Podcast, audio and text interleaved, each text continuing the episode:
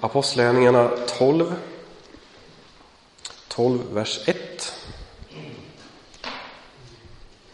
Och den här predikan handlar som sagt om martyrer på lite olika sätt. Och eh, jag läser. Vid den tiden lät kung Herodes gripa och misshandla några i församlingen. Och Jakob, Johannes bror, lät han avrätta med svärd. När han såg att detta var en bifall hos judarna fortsatte han och lät gripa också Petrus. Detta hände under det osyrade brödets högtid. Sedan han gripit honom satte han honom i fängelse och gav i uppdrag åt fyra vaktavdelningar om vardera fyra man att bevaka honom. Efter påsken ville han ställa honom inför folket. Petrus hölls därför kvar i fängelset och församlingen bad uthålligt till Gud för honom. Så, om vi går igenom den här texten nu, steg för steg och ser vad som händer. För det första, den här Herodes som nämns. Herodes har ingen bra historia eh, vad gäller Jesus. Eh, den här Herodes var sonson till Herodes den store som försökte mörda Jesus när han föddes. Och han är också brorson till en annan Herodes som avrättade Johannes döparen och var inblandad i att Jesus korsfästes. Och nu är det den här Herodes som avrättar Jakob. Så de har ingen bra familjehistoria om vi säger så. Um, han verkar ha varit en maktmänniska som inte brydde sig så mycket om människor utan han brydde sig om makt. Och vad en som stod i vägen var han tvungen att ta bort. Liksom. Ehm, och vi märkte, alltså det är ett vanligt maktmedel att har du en rörelse som börjar röra på sig och är någon slags motståndare, avrätta ledaren så kanske det rinner ut i sanden. Så tänkte de ju med Jesus. Det misslyckades tyvärr ur deras perspektiv. Så därför så fortsätter de på den här banan nu och avrättar Jakob som är en av de här tre närmaste som Jesus hade kring sig. Petrus, Jakob och Johannes. Eh, och det står inte så mycket om Jakob i Bibeln. Det står ungefär att han avrättades. Eh, det står typ att ja, men han var en av de tre närmaste. Eh, och vid ett tillfälle, så, eh, ni kommer säkert ihåg att Jakob och Johannes de går till Jesus och frågar vid ett tillfälle så här eh, Låt den ena av oss få sitta på din högra sida i din härlighet och den andra på din vänstra. Har ni, känner ni till det? De ville vara störst, få de bästa positionerna. Eh, och då så svarar Jesus här Ni vet inte vad ni ber om. Kan ni dricka den kalk som jag dricker eller döpas med det dop som jag kommer döpas med? Och då svarar han, ja det kan vi. Och ibland har jag tänkt så här att kanske var det just det som nu Jakob får göra. Om man tänker då på Johannes, brorsan, som också skulle få dricka den här kalken, så vet vi att Johannes var den enda av apostlarna som inte dog martyrdöden. Och Jakob var den första av apostlarna som dog martyrdöden. Och här kan jag tänka mig att det är varsitt, en varsin sorts martyrskap. Att dö för Jesus och att leva för Jesus. För vet ni vad ordet martyr betyder? Det betyder faktiskt, alltså det är ett grekiskt ord som betyder vittne. Att man, är, att man berättar om någonting, är vittne om någonting som man samtidigt är beredd att dö för. Men det behöver inte nödvändigtvis betyda att man dör, men att man är redo att göra det. Man kan alltså vara en levande martyr. Jag har träffat en sån människa som visste att går jag, följer jag Jesus nu så är det stor risk att jag inte överlever. Eh, men han gjorde det ändå och överlevde tack vare ett mirakel. Men jag har träffat en levande martyr en gång. Ehm, en intressant kuriosa detalj är att eh, det finns en person som levde hundra år efter Jakob som skrev om Jakob och den här händelsen. Han heter Clemens från Alexandria. Eh, och vanligtvis när man var så här eh, fängslad som Jakob var innan sin avrättning så var man fastkedjad med en vaktsoldat, en romersk vaktsoldat eller något liknande. Vad tror ni att Jakob pratade med den här vakten om? Enligt Clemens i alla fall så vittnade han för sin eh, vaktsoldat och vakten blev frälst. Och enligt traditionen så avrättades de två tillsammans sen. Jag vet inte. Men om jag vill gå ut någon gång så är det något liknande alltså. Och få vittna det sista man gör. Ehm, sen kan man undra så här. Varför dog Jakob? Varför händer det jobbiga saker i mitt liv? Varför räddade inte Gud Jakob? Varför botade inte Gud mig? Och De här frågorna kommer då och då. Och när man läser om Jakob, han var ju en av de tre närmaste lärjungarna. Varför räddade inte Gud Jakob? Och varför svarar inte Gud på min bön? Sådana frågor kommer då och då för alla människor. Ehm, och jag gissar att Jakob måste ha tänkt tanken i alla fall. Varför låter Gud det här hända mig? Och jag tycker att det kan vara viktigt att man som kristen är medveten om att man får inte alltid svar på de frågorna. Ibland så händer det saker som man inte förstår. Vi förstår inte varför Jakob dog. Men kanske var det just därför han dog, för att vi skulle få lära oss den läxan. Jag vet inte. Men han var ändå beredd att följa Jesus hela vägen. Och det är viktigt att komma ihåg. Och det är en av de saker man kan ta med sig från Jakob. Åtminstone för oss i vårt land, eftersom inte vi kanske riskerar att dö för vår tro. I andra länder så betyder den här berättelsen andra saker. Men vi måste komma ihåg att ibland så leder Gud oss genom saker som är svåra och som är ur vår synvinkel meningslösa och bara problem. Men kanske finns det någonting där som Gud leder oss igenom som kommer att göra oss starkare. Vi går vidare i texten. För nu ser kung Herodes att judarna tyckte om att Jakob avrättades. Så då vill han göra samma sak med Petrus. Ehm, han fängslar Petrus, men han vet att Petrus har lyckats fly från fängelset förut. Därför så sätter han honom med fyra vaktsoldater, står det. Två stycken som han är fastkedjad vid, varsin sida liksom. Så det är extra mycket.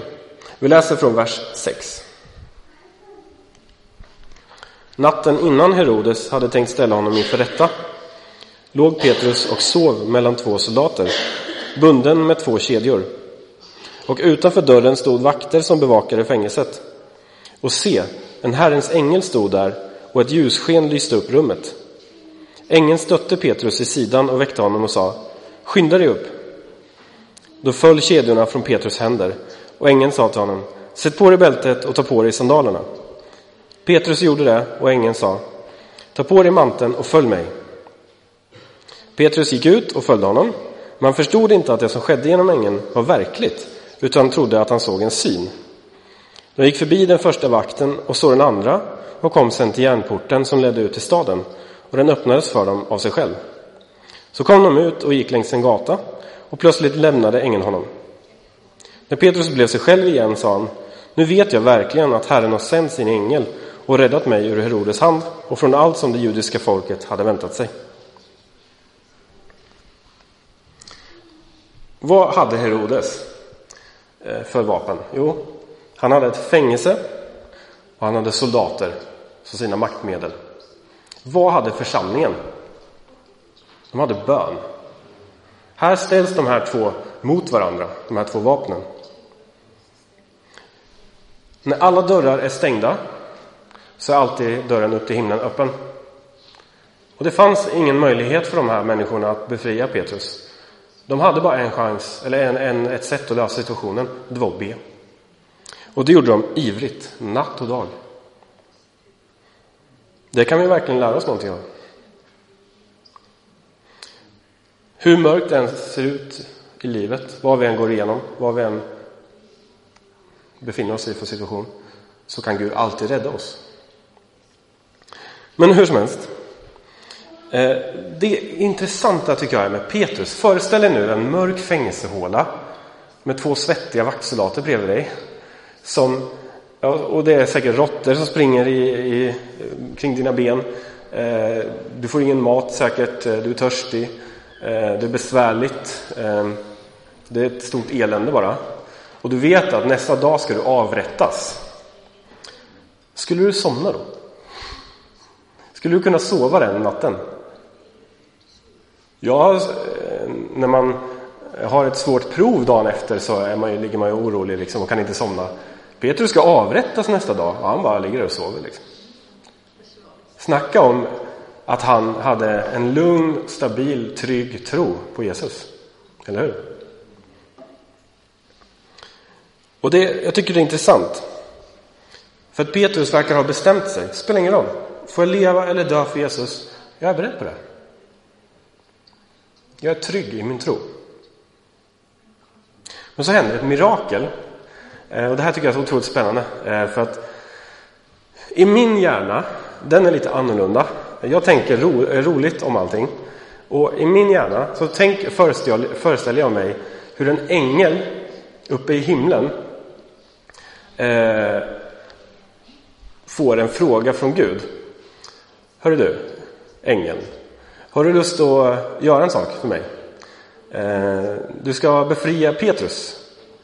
Och ängeln bara, ja äntligen, jag får vara med i Bibeln. Det här blir, ja, men det här blir bra. Jättegärna, jag ställer upp, säger ängeln. Ja, Petrus är där, åk ner och gör din grej, befria honom. Eh, det här står alltså inte i Bibeln, det är bara min konstiga hjärna som tänker just nu, som ni får ta del av tyvärr. Eh, och så tänker han, förbereder sig, peppar liksom, ah, jag ska få vara med i Bibeln, liksom. jag ska få rädda Petrus. Så kommer han ner där, gör en stor entré, det står ett ljus, stort ljussken. Tada, här är jag! Och vad gör Petrus? Han ligger och sover. Kom igen nu! Eh, ängeln försöker väcka honom, peta på honom, står det där, eh, i sidan. Kom igen nu, vakna då! Petrus bara, va? Liksom, inte ens medveten om vad det är som händer. Liksom. Ja, men kom in, ta på dig skorna, sandalerna. Eh, och Petrus bara, ja, vart har jag dem? Och sen bara, ja men kom igen ta på dig manteln. Han får tjata liksom, den här stackars ängeln som så gärna ville vara med i Bibeln. Liksom. Så han med om det här tragiska. Och sen bara, ja men okej, vi får gå då liksom. Och Petrus bara, ah, så, och så tror han inte ens att det är på riktigt liksom. Och sen eh, går de ut där och Petrus är inte riktigt medveten om vad som händer. Och till slut så tror jag att ängeln bara tröttnar, äh nu sticker jag. Och så är Petrus kvar där ensam liksom. Så får han gå hem själv. Så tänker jag. Jag vet inte om det är så bibliskt, men eh, hur som helst. Varför räddade Gud Petrus och inte Jakob? Om vi ska vara seriösa några sekunder. Båda var de tre närmaste lärjungarna, tillhörde den absolut innersta kretsen kring Jesus. Jakob dog, Petrus fick leva. Varför? Och jag tror att det är väldigt lätt för oss människor att alltid leta efter en mening med allting. Hittar man inte en mening med saker och ting så får man en kris och sen så vet man inte hur man ska hantera sitt liv. Här tror jag att vi måste förstå att man får inte alltid en mening med livet. Varför fick inte jag bönesvar? Nej, nu kan inte jag tro på Gud längre. Nu vill inte jag gå till kyrkan längre, kanske man känner då. Man får inte alltid den, men den meningen som man letar efter. Men man ska ändå ge äran till Gud. Jag tror att Jakob, det var okej okay att dö för Gud. Han hade ställt in sig på det. Jag är redo att leva och dö för Jesus. Och dör jag så dör jag för Gud. Jag låter Gud bli ärad hur den går. Vad fick Petrus? Han fick jobba för Gud resten av sitt liv. Vad fick Jakob? Han fick komma till Jesus. Egentligen, när man tänker på det, vad var bäst? Så hur som helst. Ställ in dig på det, att vara en levande martyr. Lev för Jesus. Var beredd att göra vad som helst för Jesus. Och var trygg som Petrus. Ligg och sov när det vankas besvärligheter. Liksom. Ta det lugnt bara. Vi läser sista delen av texten. Från vers 12. Då han nu insåg vad som hänt gick han till Marias hus, hon som var mor till den Johannes som kallades Markus. Där var många församlade och bad. Petrus bultade på porten och en tjänsteflicka som hette Råde gick för att öppna.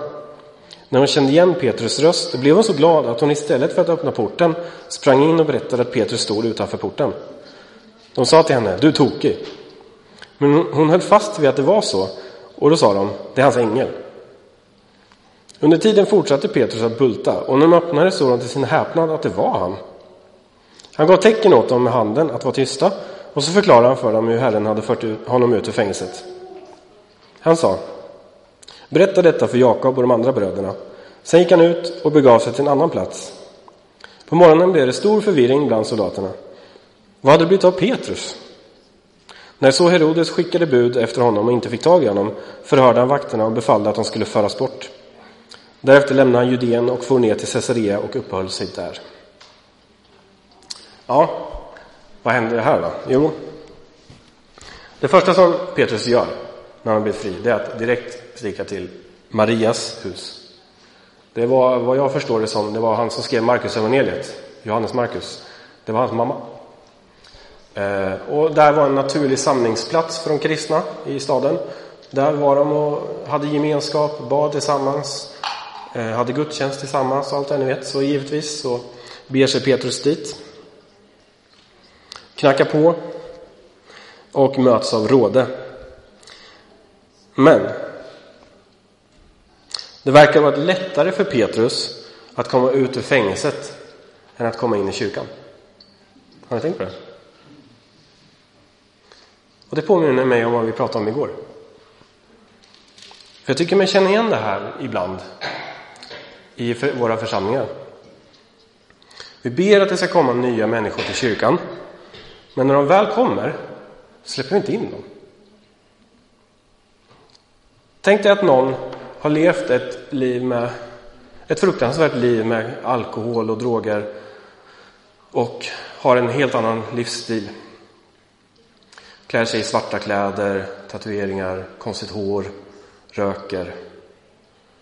Och så får den personen vara med om ett Guds mirakel. Något händer liksom. Som förvandlar den personens hjärta något så fullständigt så att blir frälst liksom. Så vill den gå till kyrkan och tänker att jag har blivit frälst, jag har fått möta Jesus. Nu vill jag lära känna andra kristna. Kommer in till kyrkan och folk bara tittar snett. Liksom. Ja, vem är du? Liksom. Ja, men vi röker inte i den här kyrkan.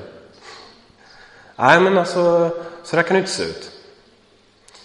Eh, och får blickar och får kommentarer och får, ja ni, ni förstår bilden. Jag tror att det ibland kan vara alldeles för svårt att komma in i kyrkan. Det är aldrig den nyes ansvar att komma in i gemenskapen. Det är alltid vårat ansvar att föra in en människa som kommer utifrån. Sen kan vi diskutera cigaretterna, liksom. men kom in. Liksom. Ehm, gör dig bekväm hemma hos oss. Känn dig som hemma. Sen kan vi diskutera saker och ting allt eftersom tiden går. Men vi måste ha en öppen gemenskap. Vi får inte göra som den här församlingen gjorde med Petrus. När han äntligen står där får han inte komma in. Och sen lite i avslutningen här då. Jag är också otroligt road över församlingens otro.